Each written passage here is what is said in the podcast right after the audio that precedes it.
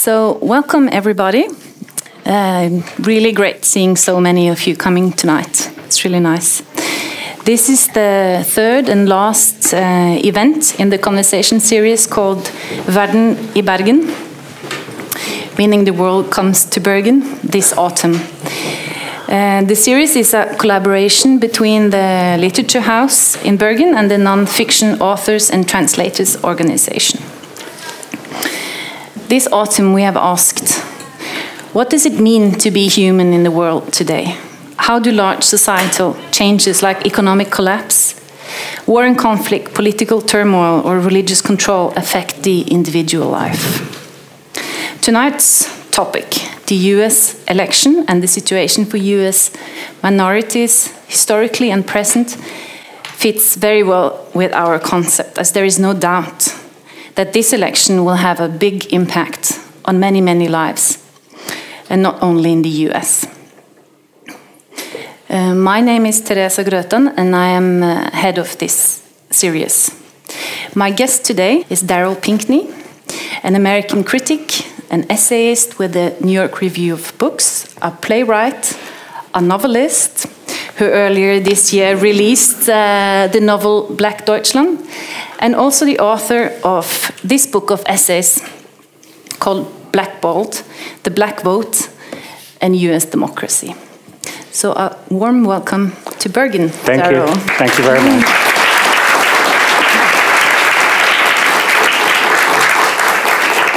It's nice to be here. I'm a great admirer of the Hanseatic League. yeah.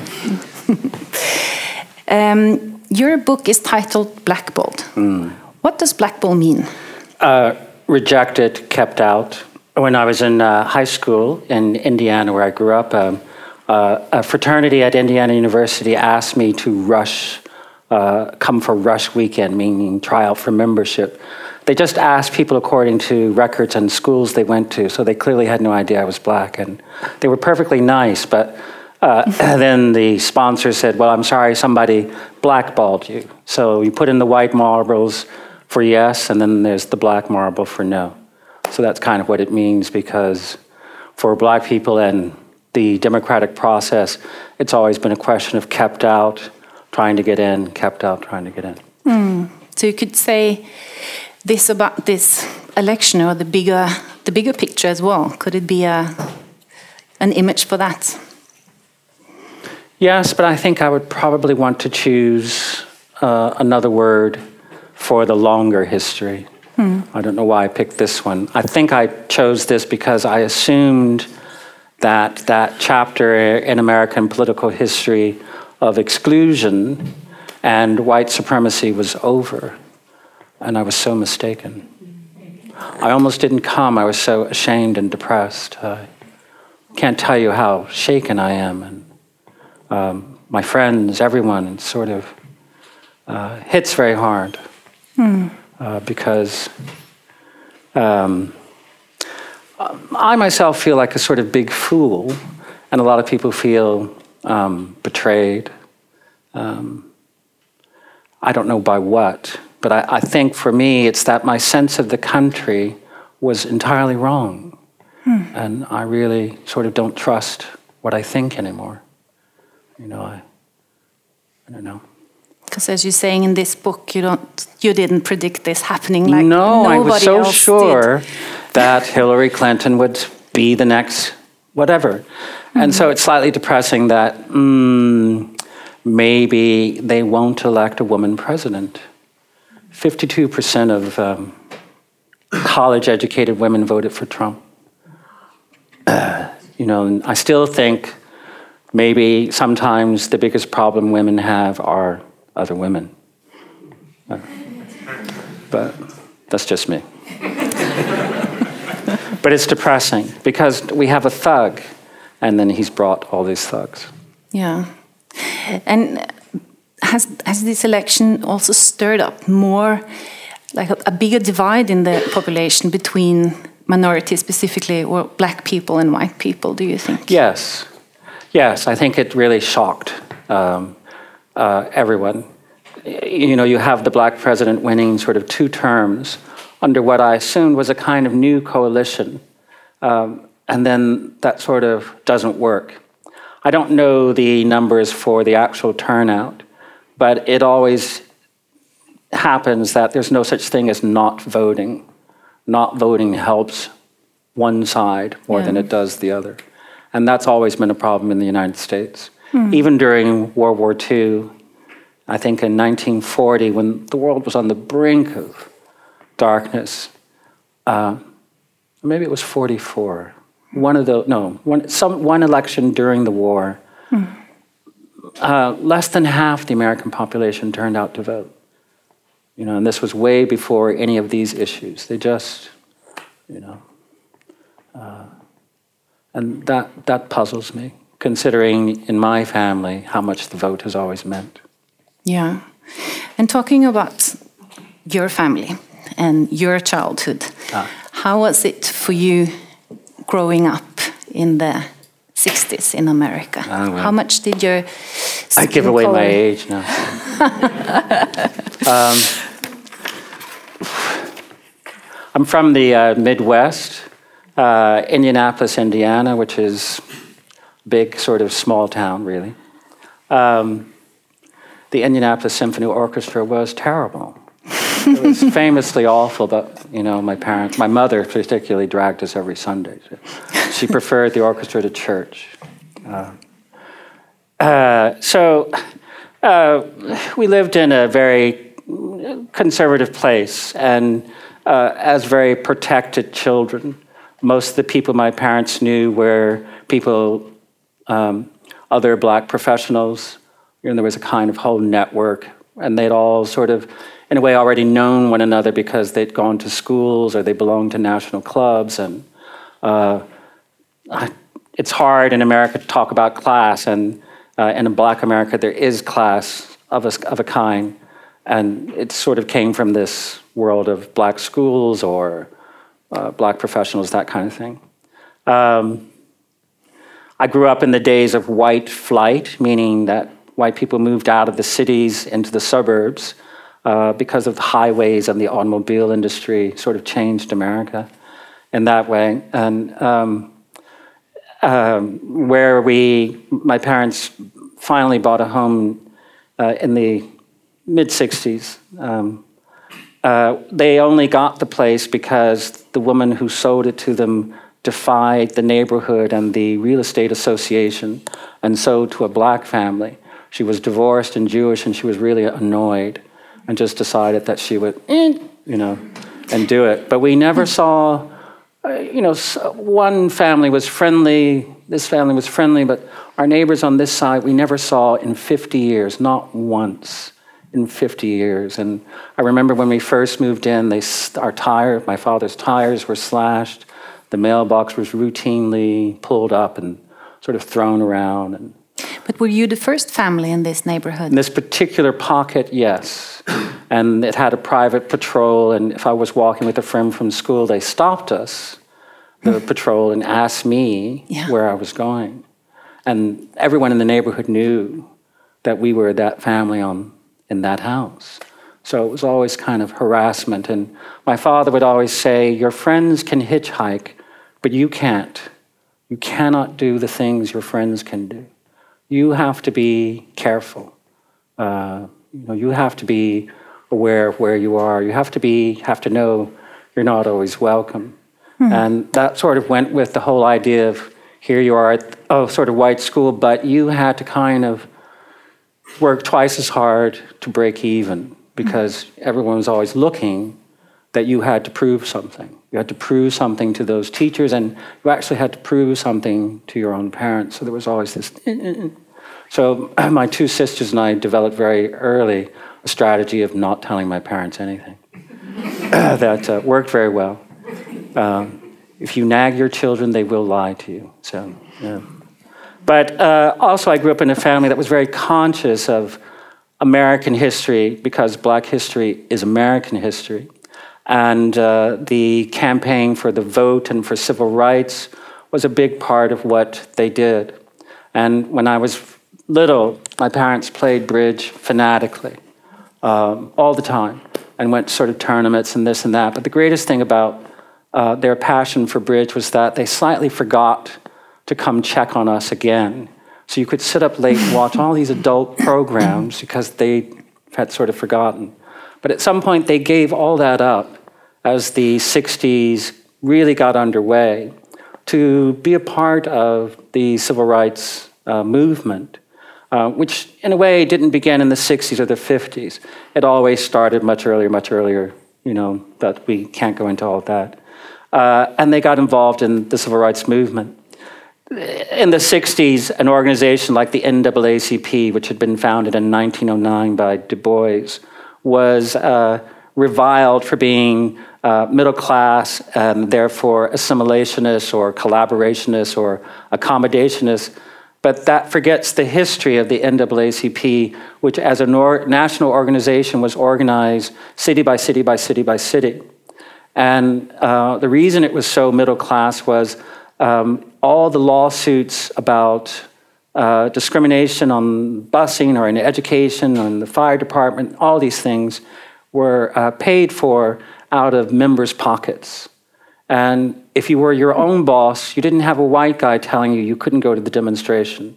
If you were your own boss, you know, there was no kind of uh, retribution hmm. for being involved. So the civil rights movement not only had um, uh, these middle class people participating, it also had sort of criminals and people on the underside of life who also had no bosses and would give cash to various organizations to sort of help them on uh, in that kind of way.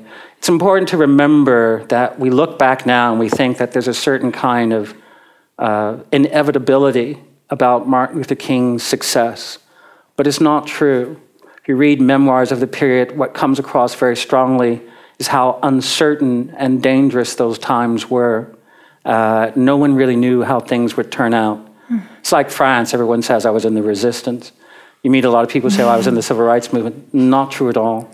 It was always a minority activity because people were afraid or they couldn't afford it. Mm. A lot of ministers, uh, Martin Luther King was supposed to come to Indianapolis in uh, the late 50s, but a lot of ministers, black ministers, said, don't come.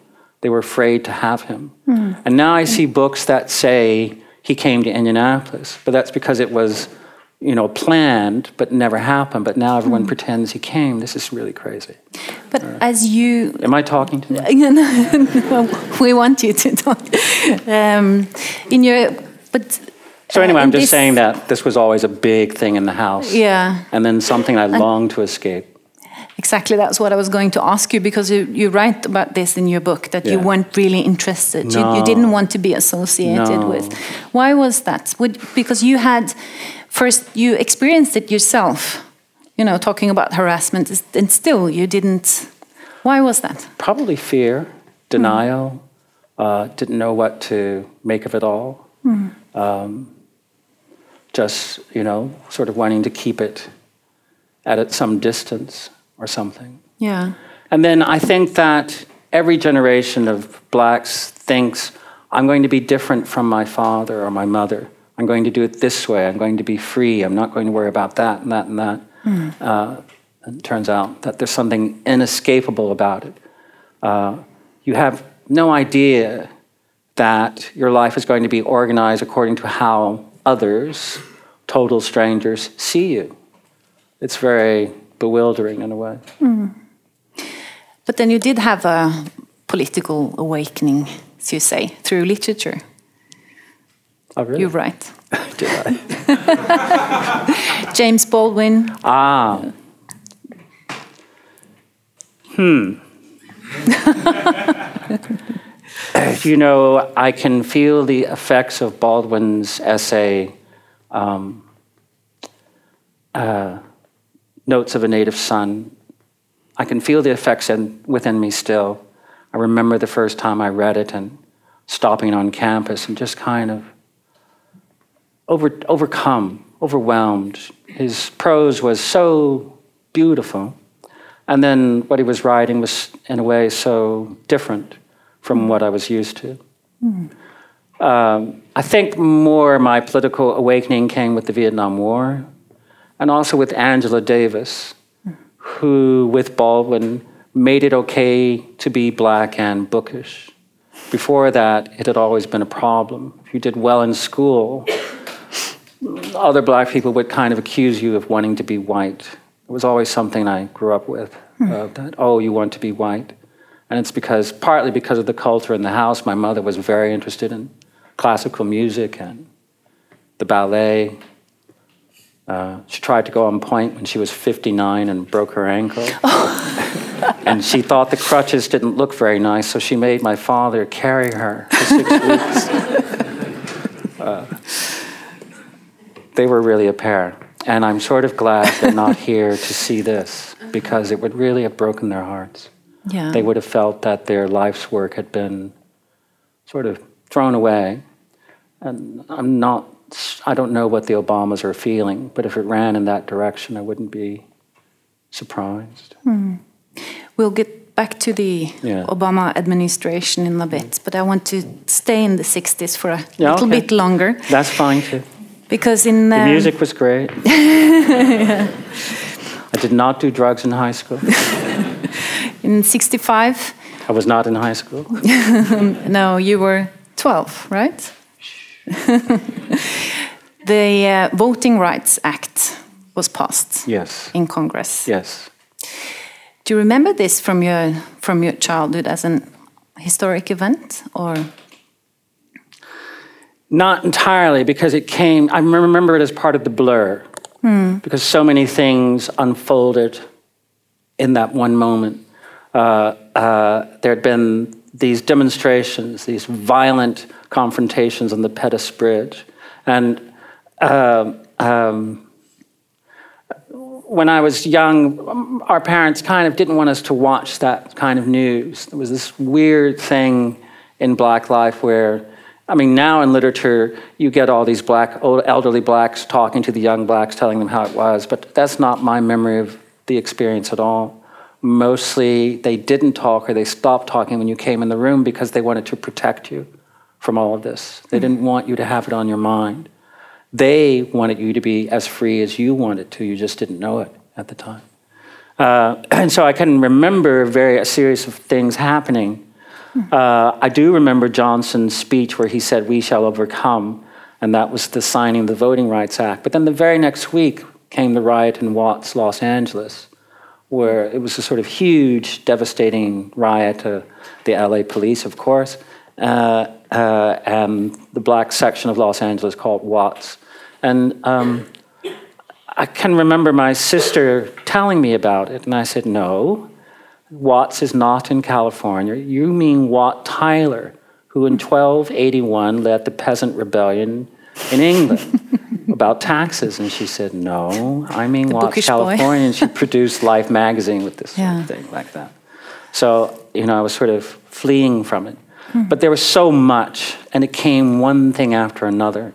Uh, and a lot of it sort of violent, and, and uh, you just sort of didn't know what was happening. And for my parents, who did grow up in the South, uh, uh, in Atlanta, you know, these stories weren't new.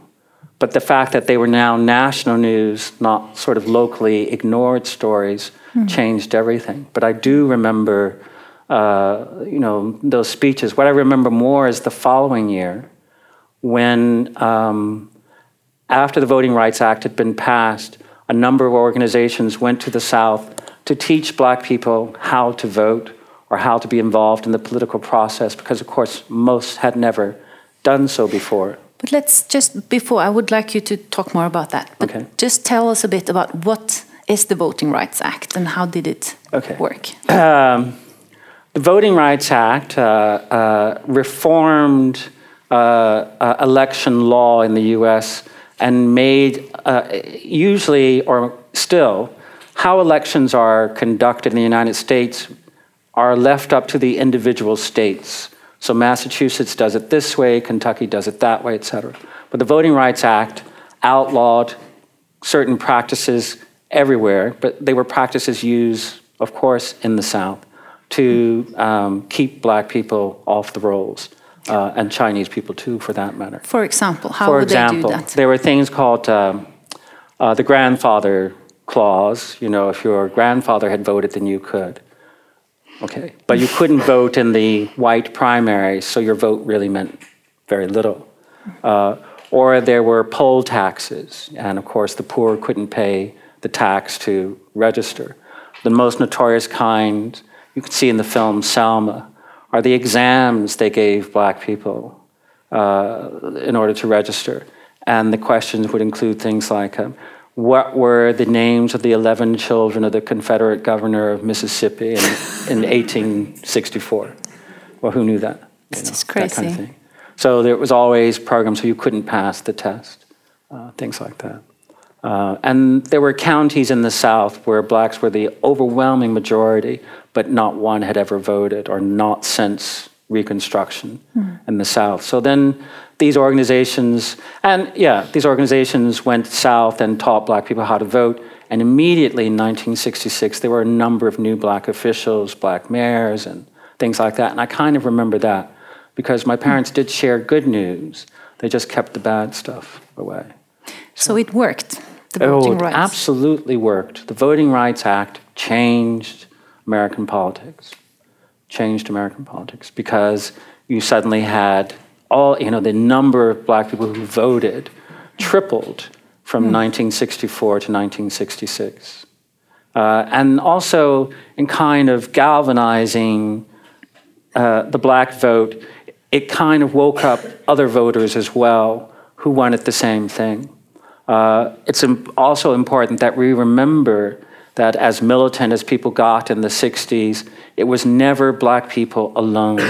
there were always white allies in the black struggle, always, from the mm. very beginning. And Martin Luther King always acknowledged that, and things like that. In fact, a lot of people were annoyed that Johnson didn't get interested in the Voting Rights Act till some black, till white people began to die or had been killed in Selma in the protest, uh, a, a, minister from Boston and things like that, mm. and uh, a mother from Detroit who, watching the news, just drove down to be a part of it and drove marchers around. And uh, the Klan singled her out after the victory march uh, and followed her around and killed her. And that wasn't enough. J. Edgar Hoover then smeared her name so badly that uh, her children had to change their names. And the, and the father kind of, uh, you know, lost his job and became an, it destroyed the family. Mm. The kind of uh, campaign of, you know, they've always made it really hard for white people to participate. Yeah. You, they paid a price. Support. So, yeah. and you can see in the March on Washington in 63 a number of white people, and a large part of them are probably clergymen uh, as mm. well who were trained to pay the price. Mm. In your book, you write quite a bit about Section 5 yes. in the Voting Rights Act. Can, what is this Section 5? Section 5 of the 1965 Voting Rights specified that if 19 states uh, listed, all of them in the South, changed the way they conducted elections, they had to notify uh, the appellate courts and, and, get their approval for the change. Uh, because uh, these states had a history of voter discrimination. So if they were going to redraw a district or rewrite the ballot or introduce a new uh, precondition for voting, the court had to approve. And always they didn't. So they couldn't wait to get rid of Section 5 uh, on the grounds that, oh, that was 60 years ago and we don't need it now. Yeah. But uh, so yeah, so some, tell us what happened then in June 2013. Yes, well, the current Supreme Court uh, said that right 60, uh, you know, the Section 5 discriminates against these states um, 60 years later, and we don't need it. Though the Voting Rights Act had been renewed by Congress every time it came up, even during the Bush years and things like that, it was renewed because the power belongs to Congress and Congress renewed based on the evidence presented by the courts that this and this could still happen, or they're trying to do this, this, and that.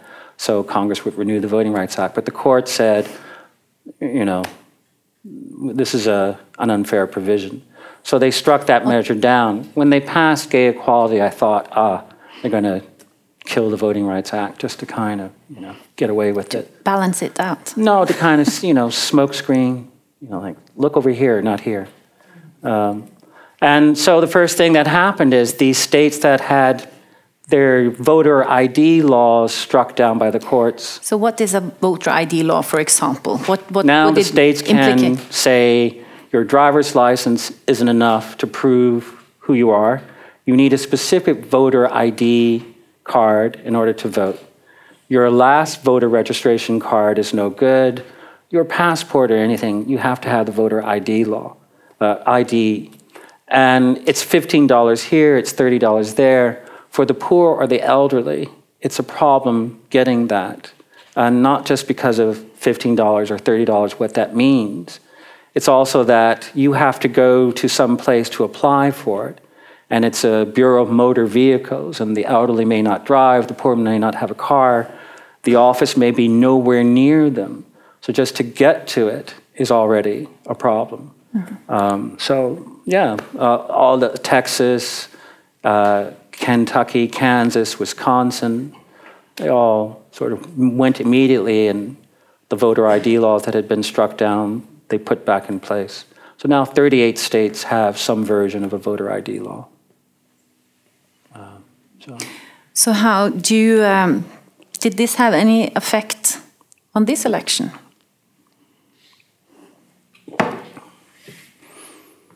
Read, Must have. Yeah, I read Must that have. there were 868 fewer polling stations, for example. Well, all, this always goes on. That there are lots of voting stations in Nebraska, and sort of one in that part of Houston where, you know, the Hispanic vote is very huge. So the lines are very long and things like that.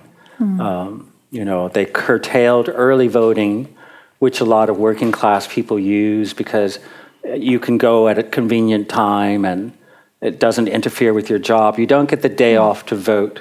And sometimes employers will, you know, say if you leave, then I'm going to fire you, things like that. So early voting is important. Long hours for voting are very important. Um, oh, there was one other. It may come back to me. I think Saturday voting as well wasn't Sunday voting, Sunday voting, which yeah. a lot of black churches simply put people on the buses and drive them to the polls. Yeah. So they tried to get rid of that as well. I don't know state by state how that went. And there can only be more of this going on now, I think. But why? I think that, um, well, because the Republicans read the data the same way I did, they just came to a different conclusion. Uh, 50% of the children two years old and under in the United States belong to a minority. Uh, 25% of the electorate are, un, are um, single mothers. Um, um, the Hispanic vote was up tremendously in this election. It had gone down in 2012. And I think a lot of people just thought, I don't want my maid to win. And they, you know, went out and voted against her. That kind of thing. Hmm. So I think that Republicans thought or believed with the rest of us that the White House was beyond their reach now because of this Obama coalition of women, youth, blacks, Hispanics, Asian, who are 8% of the population, and uh, college educated people, all that kind of thing.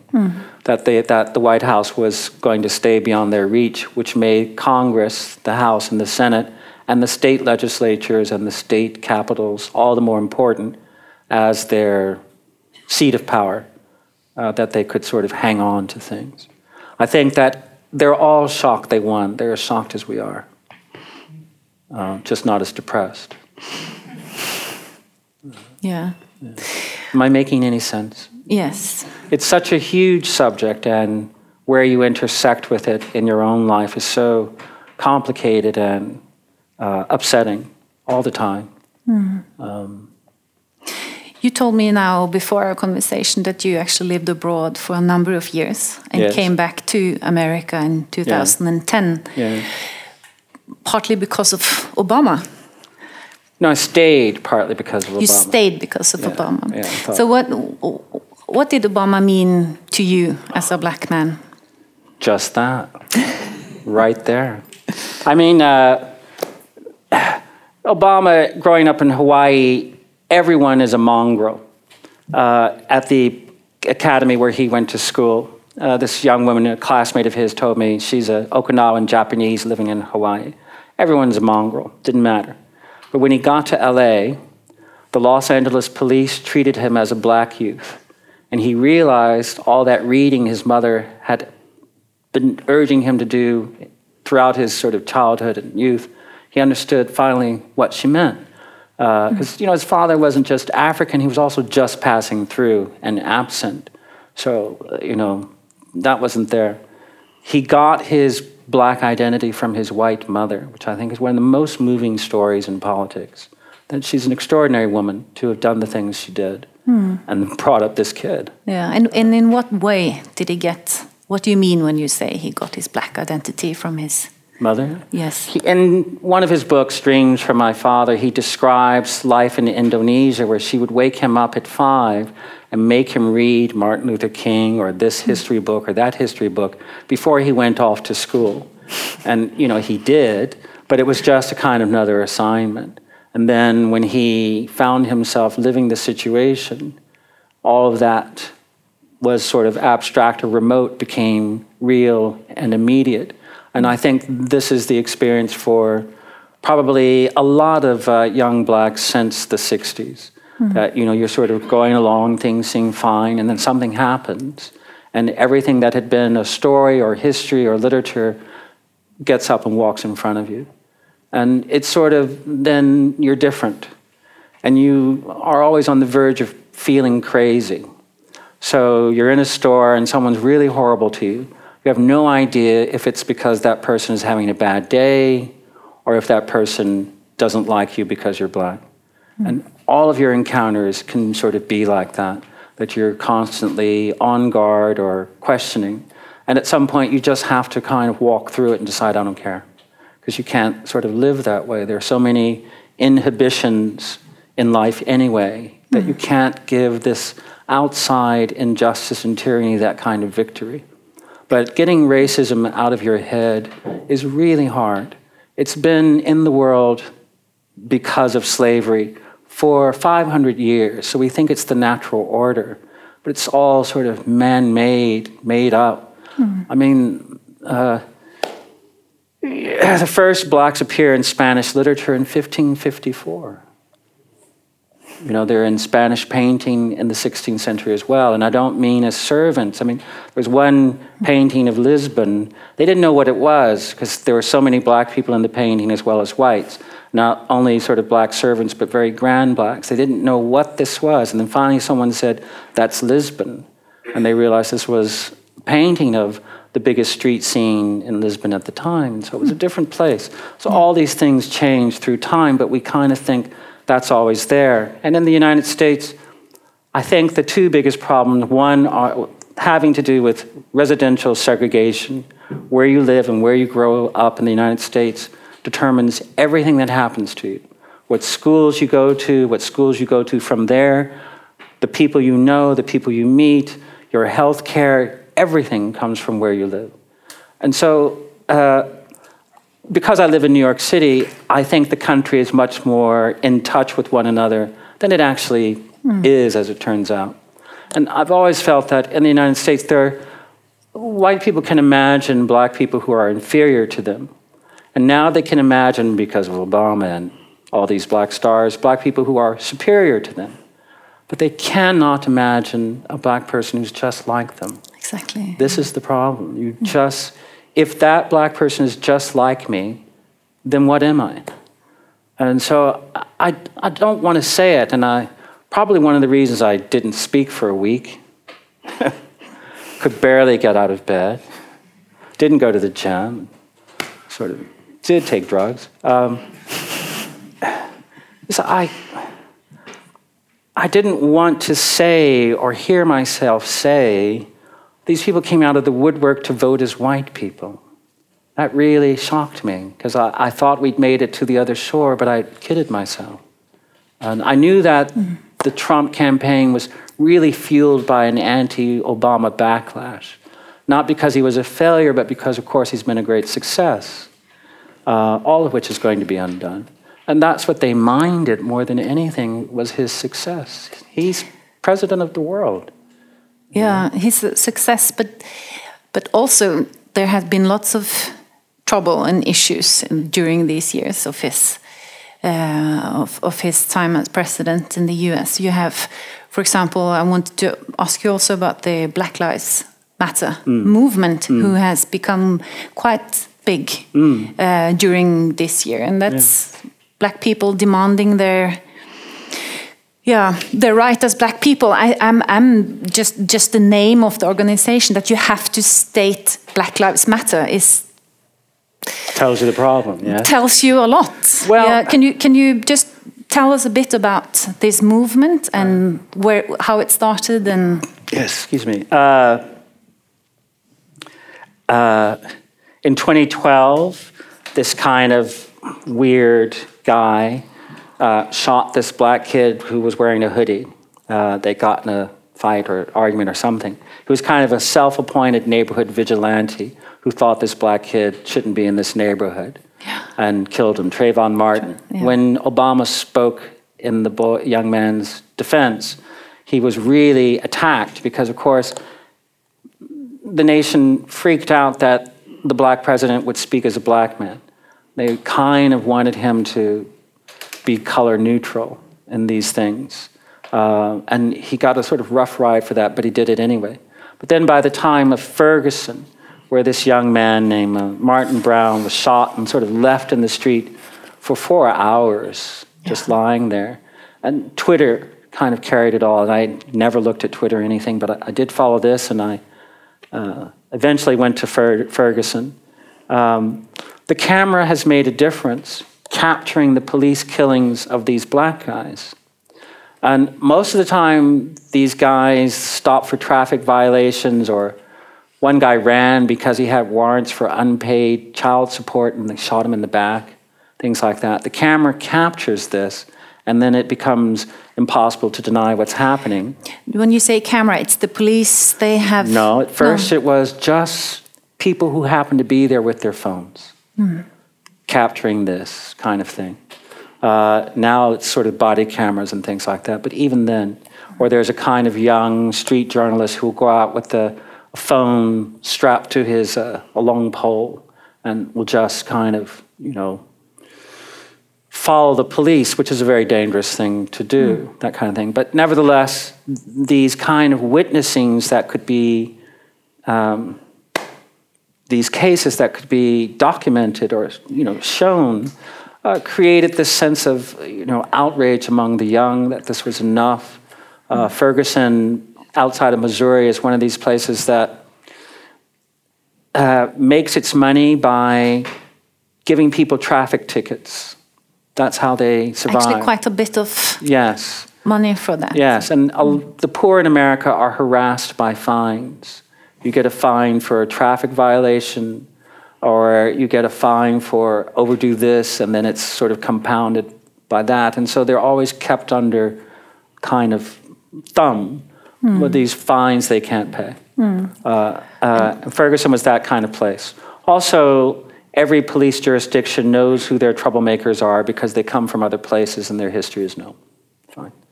Uh, and it was very frightening, I have to say, when I went got trapped in this riot. Uh, but this I was, was a Black Lives Matter yeah, in Ferguson demonstration. After the yeah. verdict came down that they weren't going to charge the cops, of course, this riot broke out. Already, the police were protecting the white shopping centers mm. all day long, expecting trouble. Hmm. But the black shopping center had no police guarding it. So, of course, you know, the young people sort of rampaged and things like that. It was, it was really terrible.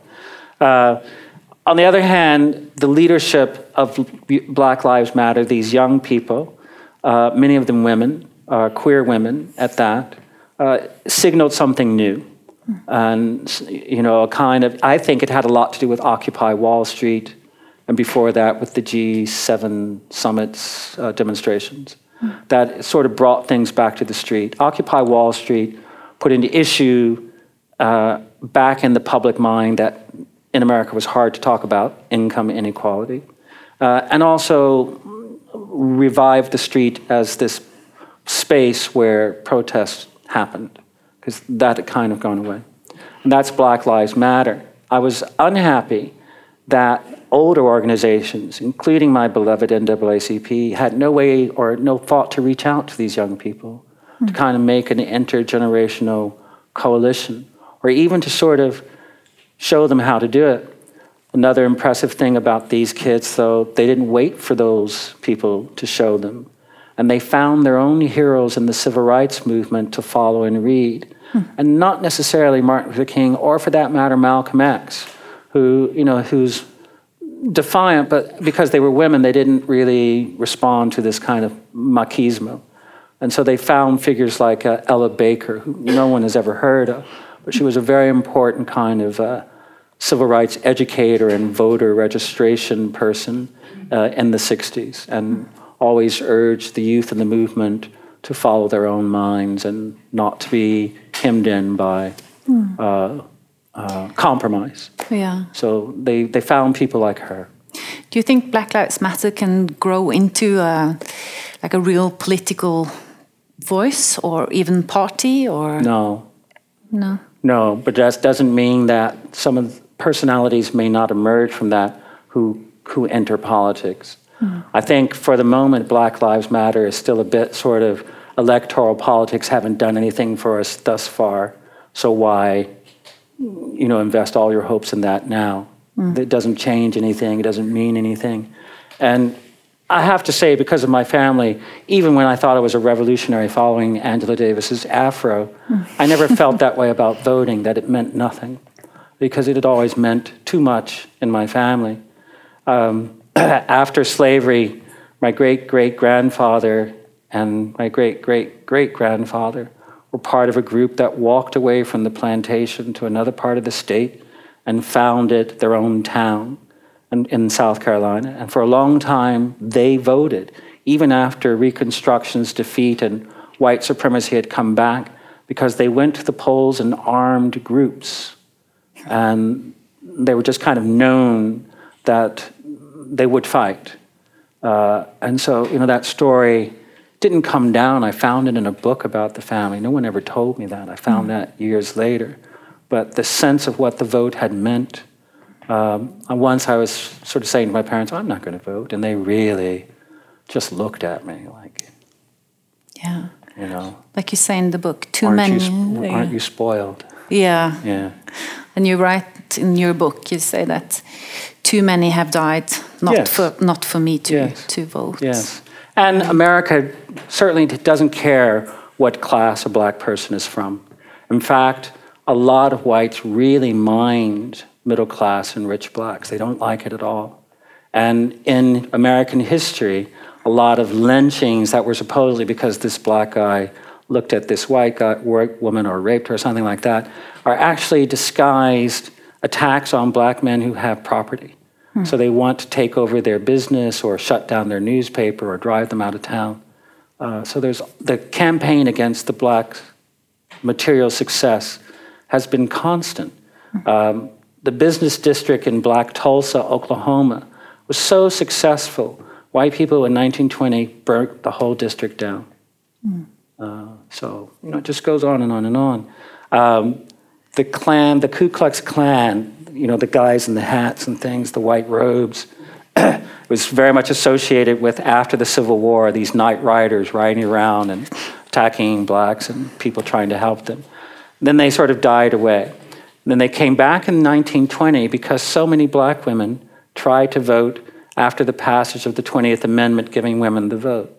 So, you know, hmm. uh, the struggle to vote or win civil rights, freedom, has been constant, but the resistance to that has been as constant. It's not like they went away.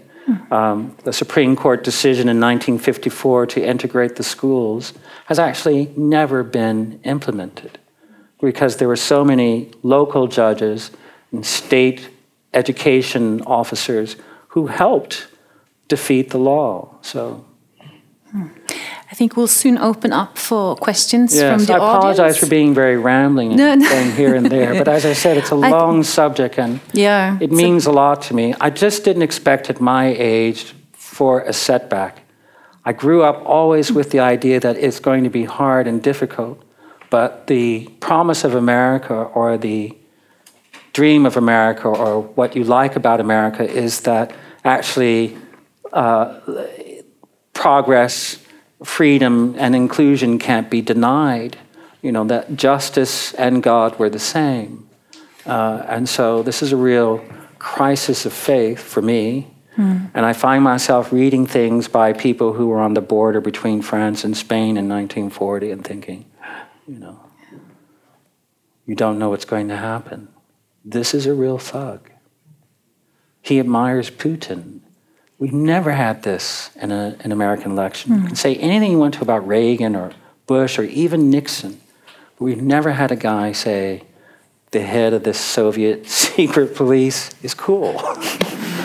this is, you know, Yeah. this is unbelievable. So. Does anyone have a question for Daryl? Yes, here's one at the microphone here.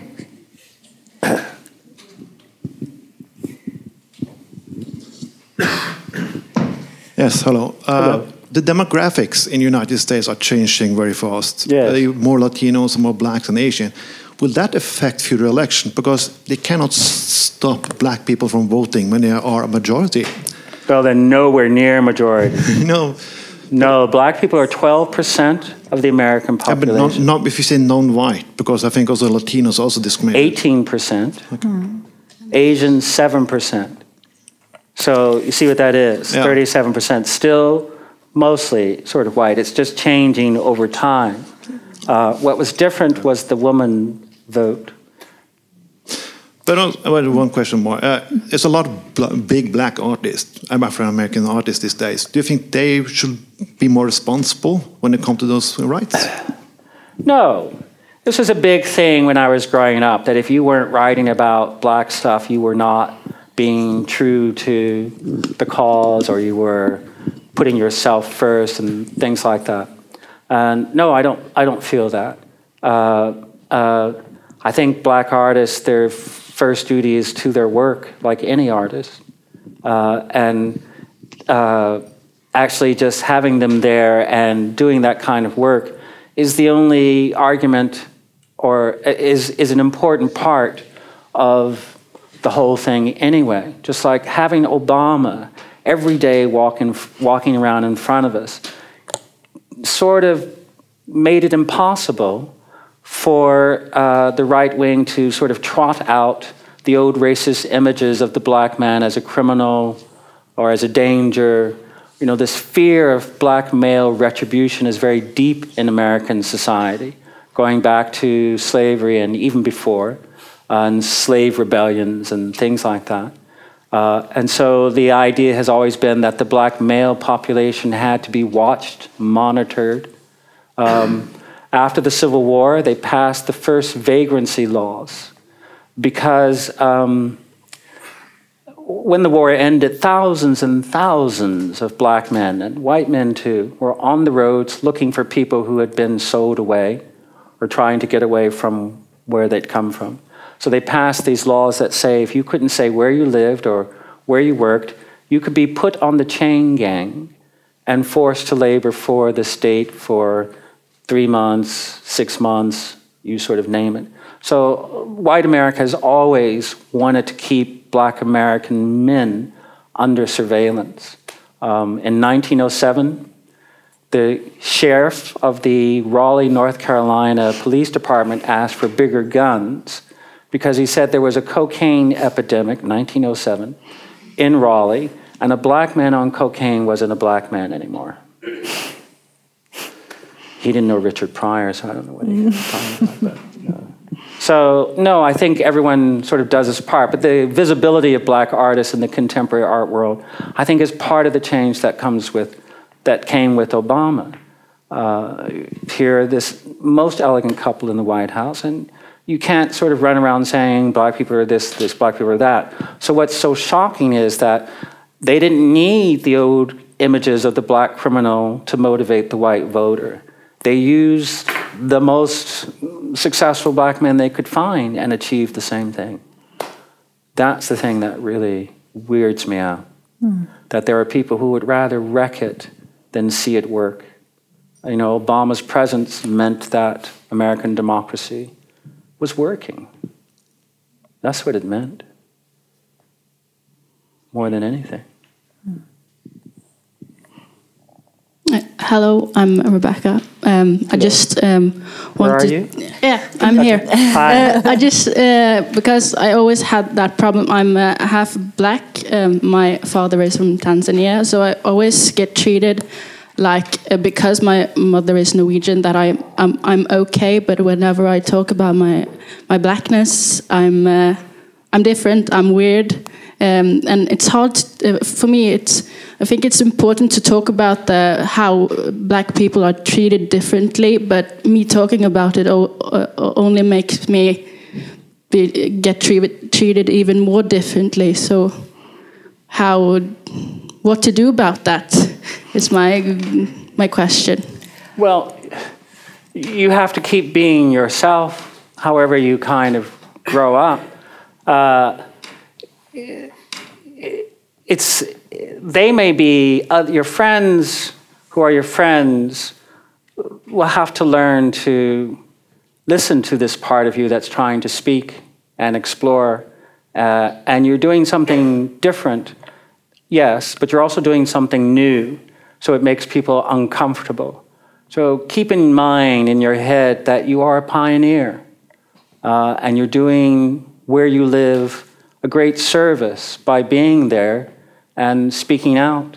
You're helping to define the national character of Norway. Yeah, but and I feel like uh, when I talk to uh, people who are interested in anti-racism and stuff, uh, when I talk about how it is to be a black person, they they always say like, "Oh, I know it's much better to be white, and I know I get treated a lot better than you because I'm white."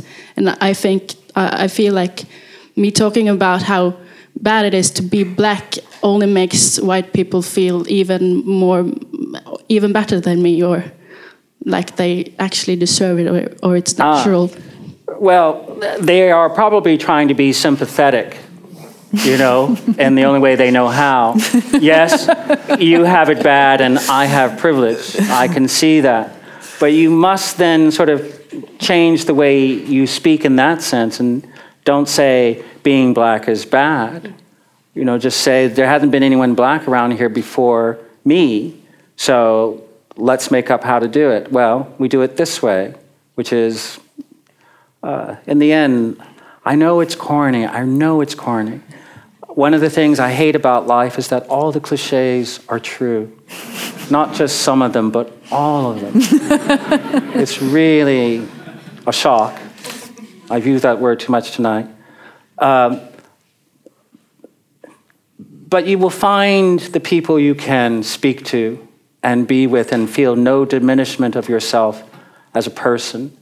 And that thing Martin Luther King talked about wistfully, hopefully, uh, the content of our characters, um, is true in personal situations. Uh, and since history is man made, personal situations matter. So have the victory in your own garden and let it sort of add up. Does that make any sense? Change the way you talk about yourself also.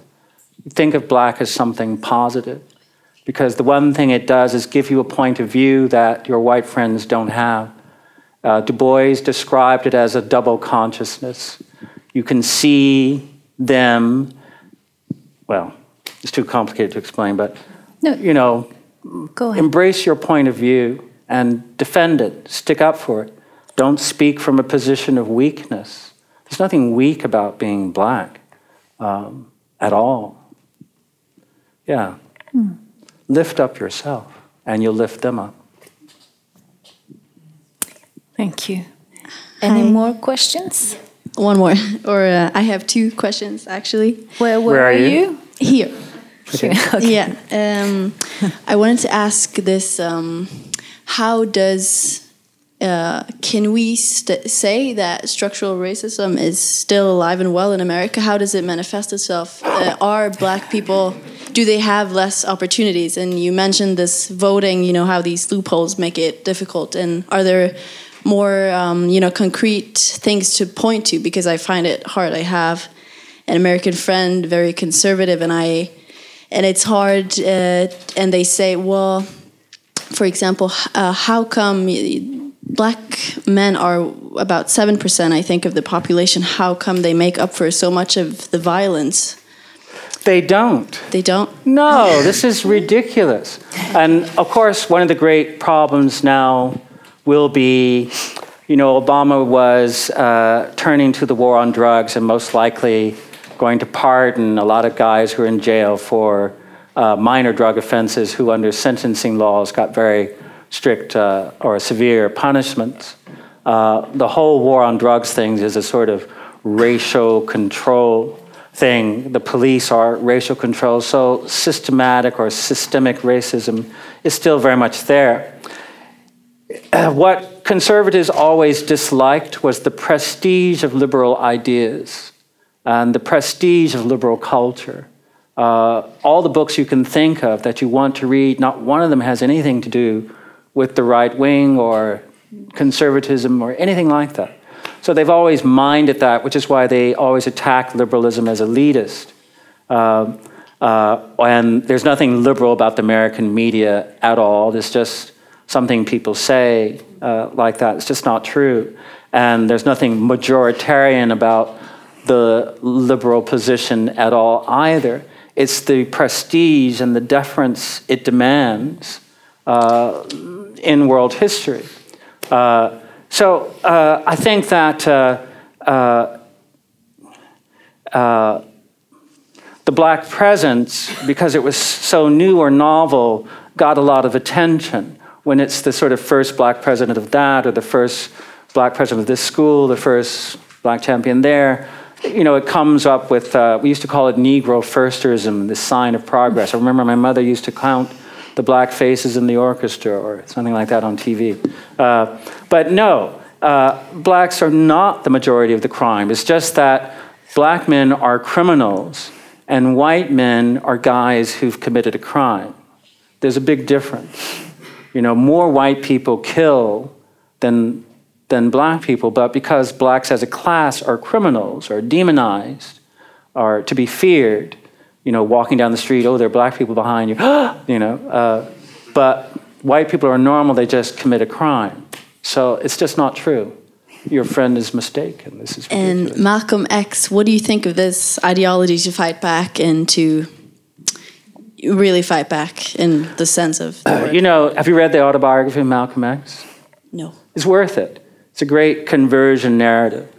But he was killed in the middle of trying to change and he's coming to the end of what he could do from his position. Uh, uh, he's one of these guys who never had a bad line, like Muhammad Ali or Zell Neale Everything he said just kind of rings. But at the same time, he didn't have a program of any kind, really. Uh, he was killed before he could join one or develop one. So it didn't mean that he was against some kind of organized resistance at the end. Um, but I don't know if it was necessarily what shape it would have taken. I don't think anyone does. I think one of the, pop, one of the reasons Malcolm X is so popular as a historical figure, for one thing, is hip hop, um, but the other is that um, you can make of him anything you need because he died at a moment of transition. So that's a hard question to answer. Thank you. Thank you.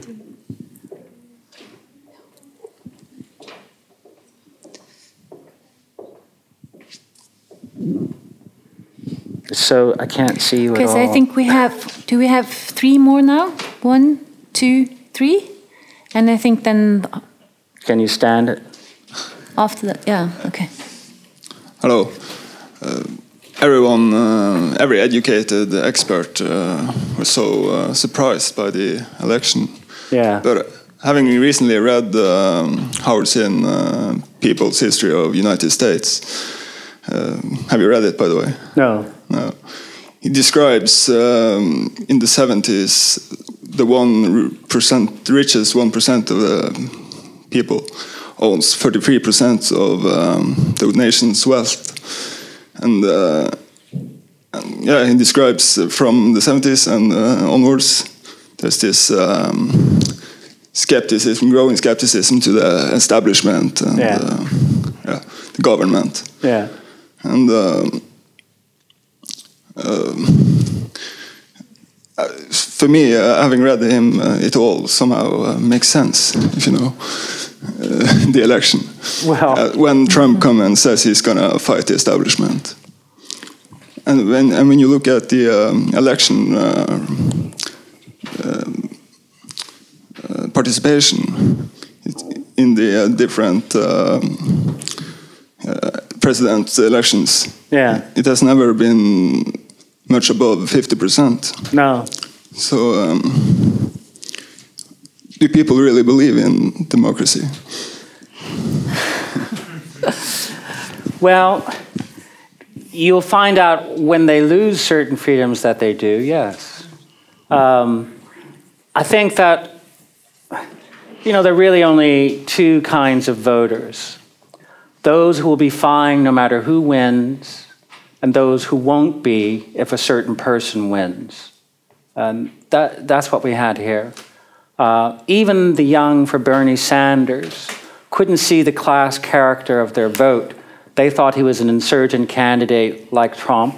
They didn't like Hillary because she'd been in politics too long and had too much to answer for, uh, and was too much like their mothers. Uh, the snobbery about Hillary was unbelievable. But, you know, Sanders won caucuses as opposed to primaries because a caucus meets in the evening. And if you're not worried about getting home from work at the factory or you're not worried about a babysitter, you can go to a caucus and stand there for hours and participate. But if you have a working life, you can't do that. You can go to the poll vote and then, you know, hurry off to your job. So Sanders, his campaign always had a certain class character that you know, the young sort of refused to see. Uh, uh, I think there's always been a population in America that wants to be off the grid, off the radar, uh, all these things for different reasons. Because voting, then you're uh, become part of the jury pool, or they're afraid that if they have fines or bills or things like that, they'll be sort of found out.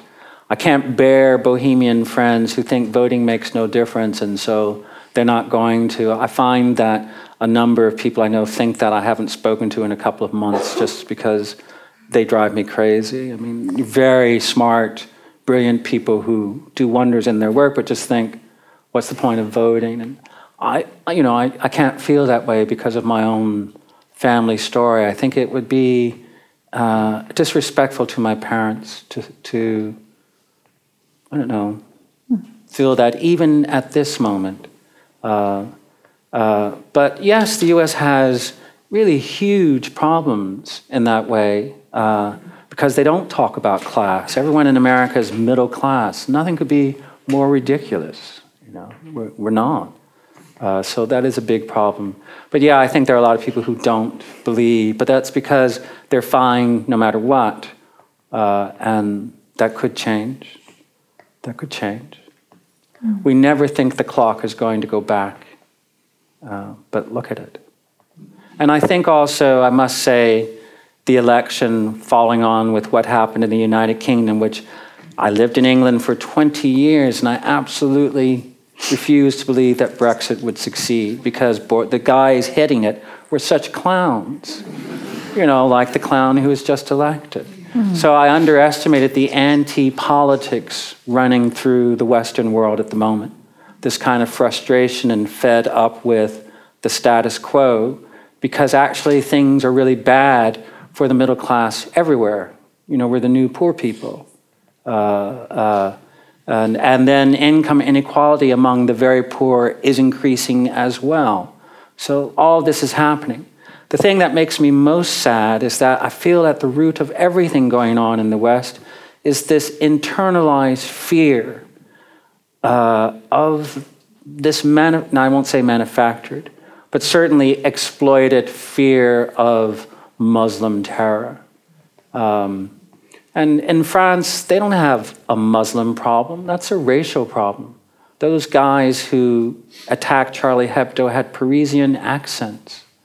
France just has been has had an Arab population for over 100 years and has never really tried to integrate that population and also not the African or Caribbean one. They're happy for them to have French culture, but they don't want them or don't think of them having position in French society. It just doesn't cross their minds. Mm. And I think these are the kind of problems that uh, are underneath sort of everything. Angela Merkel is a hero. She's a great, she was completely right about the Syrian refugees and Germany's need for them. Um, so, but I think that this kind of fear of that or wanting to be as implacable as that it's kind of sneaked in there somehow, you know. So it's only good news for the worst people. Mm. Let's do. Um, anyway. Wait, yeah, let's do two more questions, but short ones, please. That I'll I make short was... answers. I'm sorry. There was one in the no, oh, one behind here. I saw. Okay.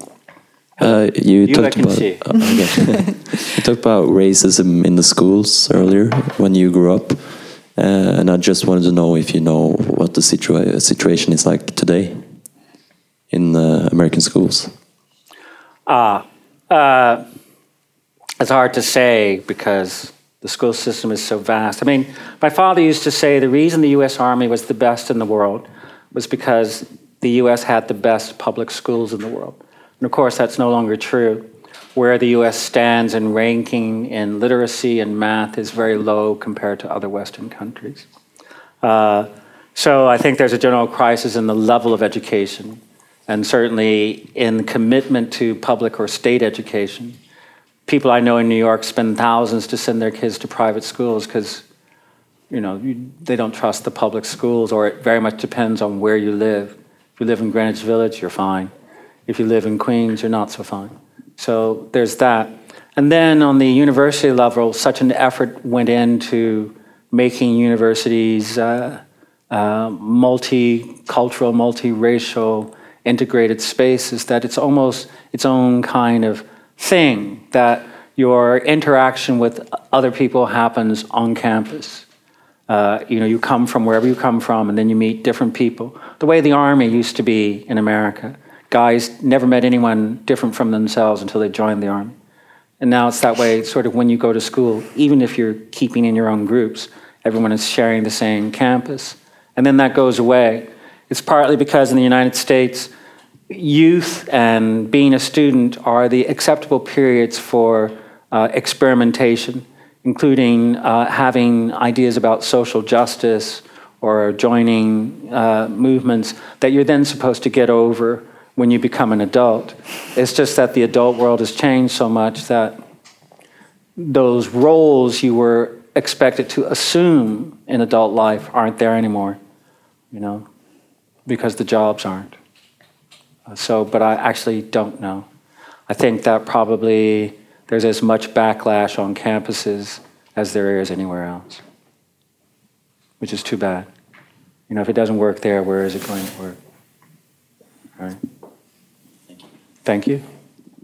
And then that one last guy. Uh, hello. Do you, hello. do you know if Bernie Sanders actually participated in the civil rights movement in the 60s? And what are your views on his politics? Uh, no, I don't know if he did or not. I actually had no idea of him sort of before this, but quickly got one and disliked him intensely. Some of my best friends are Jewish socialists, but I don't want them in the White House. Um, well, you know, Obama warned us that he was not, you know, everyone thought because he's black that he's this radical liberal guy. He's not at all. Obama's a very conservative guy, temperamentally and socially, uh, in all those ways. Uh, uh, so I don't know Bernie Sanders' history before. Uh, he certainly he did behave during the campaign uh, as nasty as the primaries were. But after that, I don't know much about him. I think his positions were always very weak. Who isn't for tuition exemption or all these things? But when you asked him how he would achieve them, he had no idea. So the idea that he somehow radicalized Hillary's campaign doesn't, doesn't flow for me, really. I think he represented the outsider that that wing of the Democratic Party was looking for because they didn't want the Clinton sort of machine again. Uh, uh, but uh, Trump represented the same thing. He's not a Tea Party guy. He's not even ideological. You know, uh, this is why he's as much of a worry for the Republican establishment. Uh, well, not as much, but you know, they don't. No one will be able to control him. There is this thing. You know how Queen Elizabeth II really hopes that when the canopy is put around Charles and he's anointed, he'll change and stop being a pain in the neck. so when the president elect calls on the sitting president and they have that conversation, everyone, I mean, you then change. You're not the candidate anymore. You become the office holder. And you see everything, you're told everything. And the enormity of your responsibilities really hits you, and you change. I don't think Trump's going to change. You show him the red button, he'll think, great. So. That was a bit um, sad uh, ending of the. I almost it's didn't come. Finished. I was so freaked out last week. I really cannot tell you how. And I also feel old that maybe whatever is to come has to belong to the young. And that this is the last thing I have to say, and I, I was wrong. You know, I'm not wrong in my hope, but I was wrong in how I read things. Uh, I grew, I've lived as isolated and privileged a life as many white people, and it's gotten me nowhere. Well, that's not true. I don't mean that. But I, I can't, I'm such a mess. I really feel a lot of self doubt and uh, not anger. I felt anger during the campaign because everything he said was so disgusting, but none of it mattered. And that should have worried me more than it did. Hmm. Anyway, this, you know, we have to go on somehow. Hmm. Uh, this is what hope is for, for those who don't have any. Well, thank you. Well, thank you for having Very me. Much I feel better coming. now. I'll go back to the States a little bit better. Yeah. And thank, thank everybody for coming. And finally, I would just like to mention that the book is for sale. Also, Black Deutschland, yeah, Darryl Pinckney's uh, latest novel. It's also for sale here. Thank you very much, everybody. Thank you very much.